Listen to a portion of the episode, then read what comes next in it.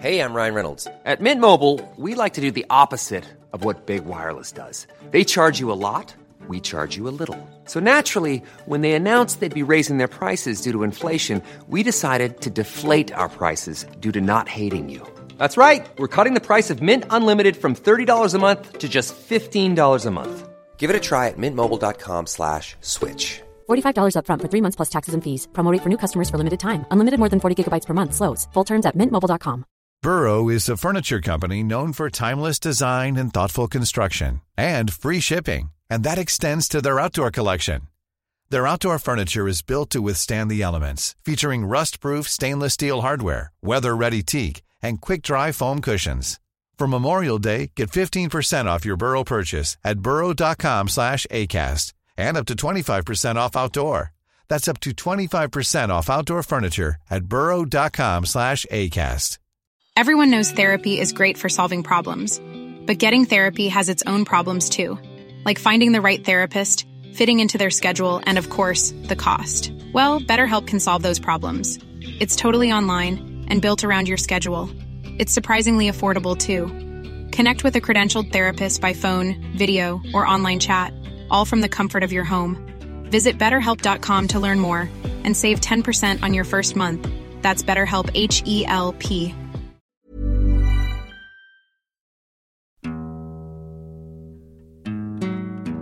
Hei og velkommen til Ordremuseer. Jeg heter Halsten, Ed Silje, og i dag skal vi snakke om gjenåpningsbegjæringa til Per Orunka Orderud. hva er egentlig status på den per mars 2023?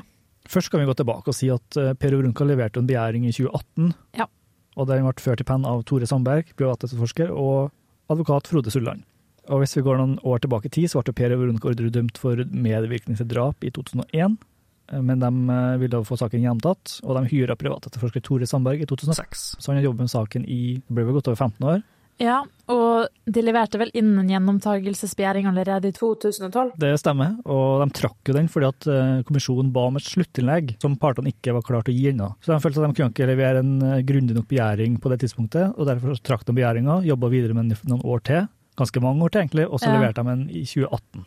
Og den er vel ganske stor, den begjæringa, har jeg hørt. Den er veldig omfattende, den er på Ja. over 600 sider, med masse vedlegg, masse video, og så har det kommet nye anførsler i ettertid også. Ja, og Tore Sandberg han har jo jobba med mange straffesaker før, og fått Han har fått gjenåpna over ti, Ja, Uh, eller han har fått omgjort over ti dommer. i norsk rettshistorie. Han har f.eks. fått omgjort eh, dommene mot Fritz Moen og Liland. Fritz Moen var jo en stor justismordsak. Ja, absolutt en av de aller største eller groveste feilene i norsk rettshistorie. Og nå er det jo 2023, og det har gått fem år siden begjæringa ble levert. Og fortsatt har vi ikke fått noe svar fra Gjentakelseskommisjonen. De har jo blitt lova et svar veldig mange ganger, blant annet først i 2020, men så kom det jo korona, og så ble det lov å svare i 2021, 2022 og nå 2023. I februar så hadde vi en bonusepisode om våpenleveringa som Tore Sandberg fikk i eh, november eh, 2019. Det nye som Dagbladet nevner, er at det ikke bare var én person, men to av de dømte i ordresaken som hadde kommet med våpenet til en person på Østlandet. Ja, det stemmer, fordi forrige gang så snakka vi litt om at Tore Sandberg påpekte at en av de dømte i ordresaken hadde levert våpenet bare dager etter drapet til en person. Og der har det tydeligvis vært sider, som har tolka artikkelen. Ja, så, sånn jeg tolka artikkelen, så har våpenet vært oppbevart i en adresse på Østlandet fra 1999 fram mm. til 2019, altså i 20 år. Ja, og nå skal det visst vise seg at det er to av de dømte, og det er veldig spesielt at to av de dømte skal ha vært involvert, og ikke bare én. Ja, så to av de dømte har kommet med våpenet, og, det- begge har kjent den personen Ja, som de leverte til. Og det styrker teorien om at det kanskje kan ha blitt brukt i sammenheng med saken. Det tenker Eller- jeg også. Hvis ikke så er det veldig tilfeldig, liksom. Ja, i hvert fall når det skjer noen dager etter trippeldrapet. Hva er sannsynligheten for at det skal være noe annet da?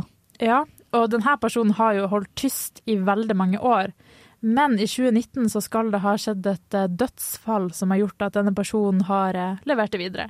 Og det står liksom ikke noe om at personen har liksom tatt til mot etter dødsfallet, men det står liksom bare at av et dødsfall, da. Det virker som at dødsfallet var katalysatoren som gjorde at personen Ja. ga våpenet videre til en annen person, Ja. som deretter kontakta Tore Sandberg. Ikke sant? Så spørsmålet er jo om personen har vært redd for den som har vært død, som vi snakket litt om sist, eller om den bare liksom har holdt et løfte da, i mange år, kanskje. Jeg vet ikke. Ja, og Vi hadde jo en teori om at det kunne være Lars Grønnerød. Han døde jo i 2019, og at hans dødsfall kunne ha utløst at han leverte våpenet videre. Ja. Det er selvfølgelig bare spekulasjoner som vi ikke har dekning for. Og det her betyr jo ikke at Lars Grønnerød er en av de to dømte som har vært i huset, absolutt ikke. Men det har jo kanskje en sammenheng. Ja, og så må vi huske på at det er fire som er dømt i Orderud-saken for medvirkning til drap. Lars Grønnerød, Kristin Kirkemo, Per og Veronica Orderud. Yes. Og to av dem har også levert våpenet. Ikke at vi skal gå inn på hvem vi tror det er, fordi det har vi som sagt Mm. ikke dekning for. Men hvis det skulle vært to stykk, da. Det kan være Lars og Per, fordi, som Lars påstår, og som retten la til grunne for, så skjedde det et våpenbytte mellom de to. Det kan være Per og Veronica, fordi de er et ektepar, og de to kan ha planlagt drapene. Det kan ha vært Kristin og Lars, fordi de to bodde sammen og var liksom en duo. Det kan også ha vært søstrene Kristin og Veronica. Alt er mulig i teorien, men jeg Alt er tenker at Tore Sandberg er privatetterforsker for Per og Veronica Orderud, Ja. og da utlevert sine egne klienter. Ja, Er det så sannsynlig? det er kanskje ikke så sannsynlig. Etter at Tore Sandberg fikk overrakt våpenet i 2019, så ga han det videre til Gjenopptakelseskommisjonen. De ga våpenet videre til Kripos for nye våpentekniske analyser. I starten av 2020 så kom konklusjonen. Sannsynligvis var det ikke denne drapsvåpenet, ifølge Kripos, men det kunne ikke utelukkes. Og Tore har jo da bedt om at dette gjennomsøkes på nytt, og at det sendes til flere. Det sa han faktisk fra starten. Han ba kommisjonen om å foreta flere uavhengige analyser, Ja, han men det tok de ikke til følge. nei, og han ville sende det til både Norge og utlandet for på en måte flere For å, analyser. få flere, for å få en second opinion, rett og slett. Ja. Og det har han også gjort eh, tidligere. Mm. Fordi hvis du går et tiår tilbake i tid, så fikk han utlevert et av de aller viktigste bevisene i Orderud-saken, Ja. nemlig våpenmagasinet.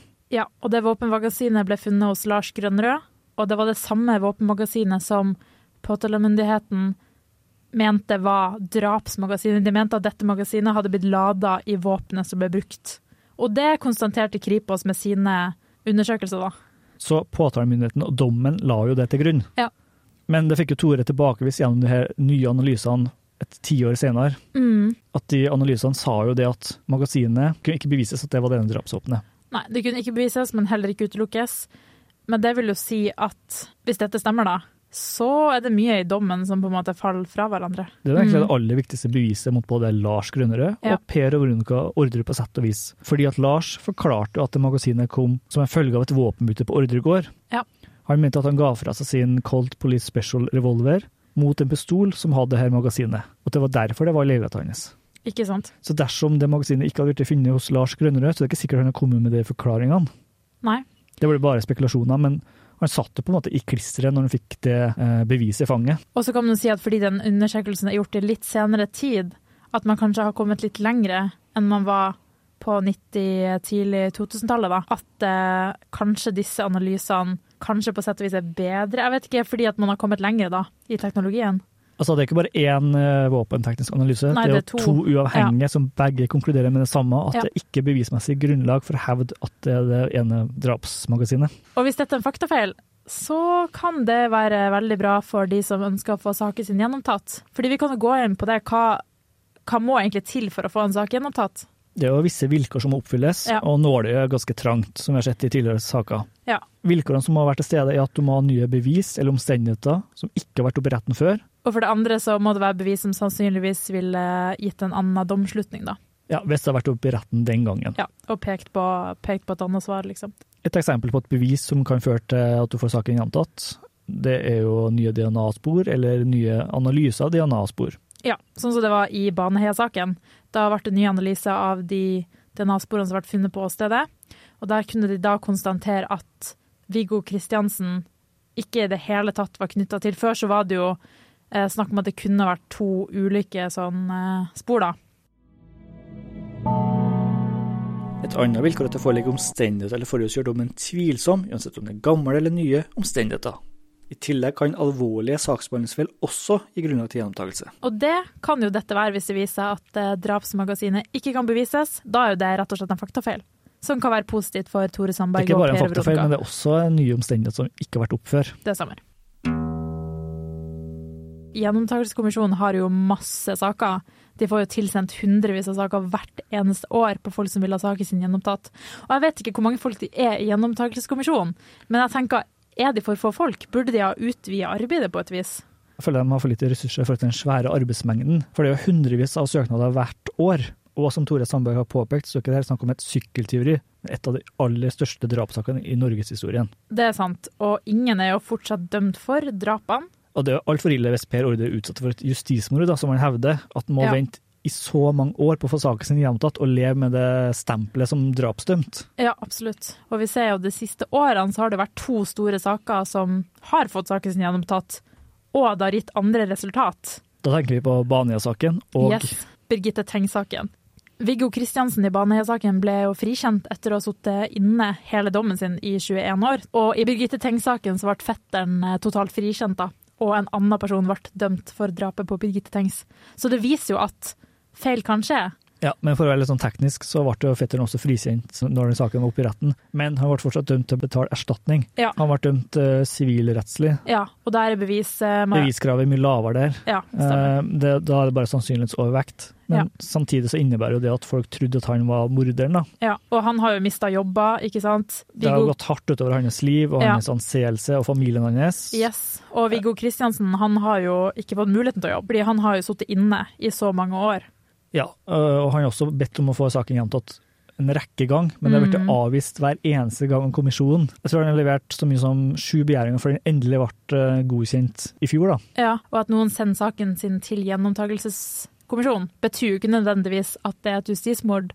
Men når det har vært så mange på en måte påfallende store saker på 90-2000-tallet, der det har vært gjort feil, da sånn, Det kan jo hende at de riktige er dømt i Orderud-saken, men hvis det er en sjanse for at det har vært feil, f.eks. med våpenet, eller sånne ting, da, så er det verdt å se på, tenker jeg, for at rettssystemet skal liksom funke så bra som det burde. Absolutt, fordi at Orderud-saken var jo også på 90-tallet, som du sier. Ja, det og var da i skjedde det masse justisfeil. Ja. Og vi har jo allerede dokumentert at det var jo en del eh, etterforskningsfeil. Hvis man går inn på YouTube-kanalen vår, så har vi allerede der pekt på visse feil og mangler ved etterforskninga. Og vi kan jo si at eh, Birgitte Tengs var jo i 1995, ble etterforska på 90-tallet. Og Baneheia-saken skjedde i år 2000 og ble etterforska på starten av 2000-tallet. Samtidig som eh, Orderud-saken hadde sin rettsgang. da. Avtroppende leder av kommisjonen, Siv Hallgren, har sagt til Tore Sandberg at kommisjonen ikke ville ha foretatt nye analyser av eh, revolveren som ble funnet. Ja, og Tore Sandberg har da sagt at hvis det ikke blir utført eh, nye analyser, så vil han få tilbakelevert våpenet, sånn at han kan sende det til analyse sjøl, da. Ja, både norsk og amerikansk våpenekspertise. Mm. Men hun som er konstituert leder i gjennomtagelseskommisjonen gjennomtakelseskommisjonen akkurat nå, Trude Marie Wold har nå snudd og sagt at eh, de skal ta det opp på et møte, da, om de kanskje kan se på det på nytt. Men nå har ikke lovt et ja, da, men de skal diskutere det på et møte. da. Og Da skal det også velges ny leder. Så det er interessant med tanke på spørsmålet om Per og Veronica får saken sin gjenopptatt, at de får en ny leder. Ja, det kan ha mye å si. Fordi Siv Hallgren stemte jo nei til å få gjenopptatt saken til Viggo Kristiansen. Ja, ikke sant? Så har to av eh, fem som stemte nei der. Ja. Likevel ble saken gjentatt, fordi de var jo i mindretall. Av de feilene som har skjedd tidligere, så har Tore lenge vært kritisk til arbeidet til Kripos. Og derfor, det sa han også før det ble eh, sendt videre til Kripos, at eh, han var skeptisk til deres analyser. Mm. Og Derfor så vil han ha at flere skal se på våpenet. Ja, og han er ikke den eneste som har uh... Han er ikke den eneste som uttaler seg nei. Knut Horen, tidligere nestleder i Kripos, uh, også kritisk til kommisjonen. Og han uh, var jo ikke involvert i ordresaken i sin tid, men han har i ettertid vært kritisk til dommen og uttalt at det her er et justismord mot Per Orderud. Ja, han konstaterer jo rett og slett det. Og han sier jo at ingen har blitt dømt for drapene, og derfor burde de se på denne faktaen uansett, uavhengig om Det skader jo aldri å Nei. ha grundig analyse, tenker jeg. Ja, ikke sant. Og uansett om ingen eh, blir eh, dømt eller ikke dømt likevel, så er fortsatt ingen dømt for drap, og det skal sies. Ja, Du har jo sagt at fire personer er dømt for medvirkning til drap, mm. men ingen er dømt for faktisk å ha skutt de tre ofrene i Korbolen. Så han sier jo at man derfor burde i hvert fall se på faktaene, da. For å se. Kanskje man kan finne ut hvem som skøyt, da. Det kan jo være. Ja, Det kan jo være litt vanskelig med det våpenet, for det er jo fra 1913, og det er angivelig ombygd. Og det er også over 20 år siden drapene skjedde. Ja, og hvis det har ligget i et hus, da, er det sånn, hvem har tatt på det våpenet i ettertid? Har, hvordan har det blitt oppbevart? Ja, Det påpeker også Kripos i sin eh, analyse, der de konkluderer med at det sannsynligvis ikke er drapsvåpenet, men at det samtidig ikke kan utelukkes. Ja. Kripos sier jo i den rapporten fra 2020 at revolveren trolig er produsert i 1913, og senere skal ha blitt modifisert med en pipe som opprinnelig tilhører en Colt Mod Detective Special, som er produsert etter 1927. Alt er jo før ordresaken, men uansett så er det 20 år siden drapene skjedde, og Kripos sine våpentekniske eksperter sier de at bom- og riflesporene på prosjektilene svekker hypotesen om at revolveren er drapsvåpenet. Mm. Samtidig påpeker Kripos at eh, det ikke kan utelukkes at endringer i våpenets løp kan endre de sporgivende flatene. Og en tredje mann som også har uttalt sin skepsis, er jo Arvid Sjødin, som har lang erfaring som eh, forsvarer, og som nå er forsvarer for Per Ordru. Han også eh, er skeptisk til eh, Gjennomtakelseskommisjonen, Kripos og påtalemyndigheten, og mener at de rett og slett motarbeider Per sin prosess med å få saken gjenopptatt. Arvid Sjødin har jo vært med på å fått opp to av de sakene på nytt, både Baneheia og Birgitte Tengs-saken, Ja. som begge er konstatert å være justismord i dag. Ikke sant? Og det betyr selvfølgelig ikke at eh, Per Ordru eh, må være uskyldig, men han vet jo hva det betyr å få en sak gjenopptatt, og spesielt når noen er uskyldig dømt. Nei, så vi får se da hva som skjer. Jeg vet ikke helt hva jeg egentlig tør å håpe på, om den blir gjenopptatt eller ikke. Hva tenker du? Jeg tenker det at uh, I utgangspunktet så var jeg skeptisk fordi at det er et veldig trangt nåløye, men i kjølvannet av de nye justismordsakene så kan hende terskelen er senka litt.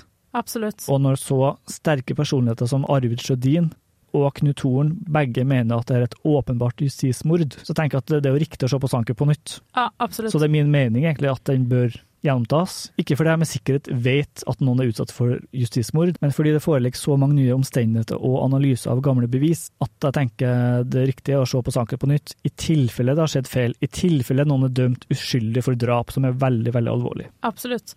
Og det er jo også masse ting eh, som vi skal snakke om i noen senere episoder, som er selvmotsigende i dommen. Ja. Som blant annet skokjøp og juleselskapet. Det skal vi gå, gå inn på litt senere, da. Men Det har vi eh, også nevnt i juleepisoden.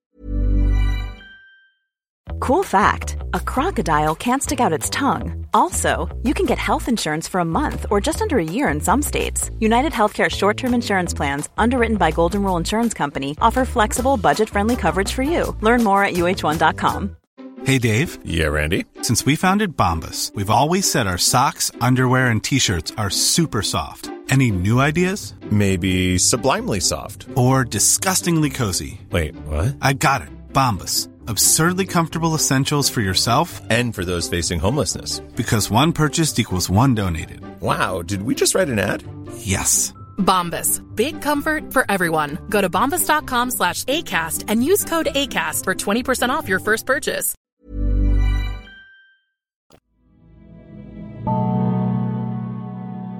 Hva tror dere? Blir saken gjenopptatt eller ikke? Send oss gjerne deres meninger på ordremysterier.gmil.com. Eller kontakt oss på Instagram, og der heter vi for Ordremysterier. Følg oss også på TikTok og på YouTube under det samme navnet. Ja. I neste ordinære episode så skal vi snakke om eh, våpenbytte, som vi nevnte sist episode. Det blir veldig spennende. Det angivelige våpenbyttet mellom Lars Grønnere og Per Christian Orderud. Vi høres. Vi høres.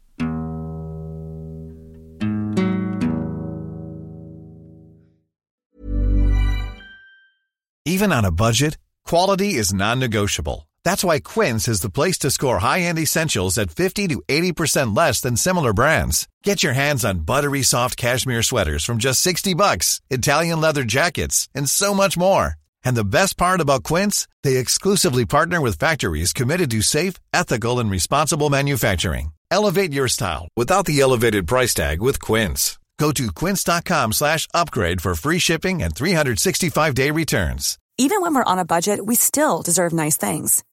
Quince is a place to scoop up stunning high end goods for 50 to 80% less than similar brands. They have buttery soft cashmere sweaters starting at $50, luxurious Italian leather bags, and so much more. Plus, Quince only works with factories that use safe, ethical, and responsible manufacturing. Get the high-end goods you'll love without the high price tag with Quince. Go to quince.com slash style for free shipping and 365-day returns.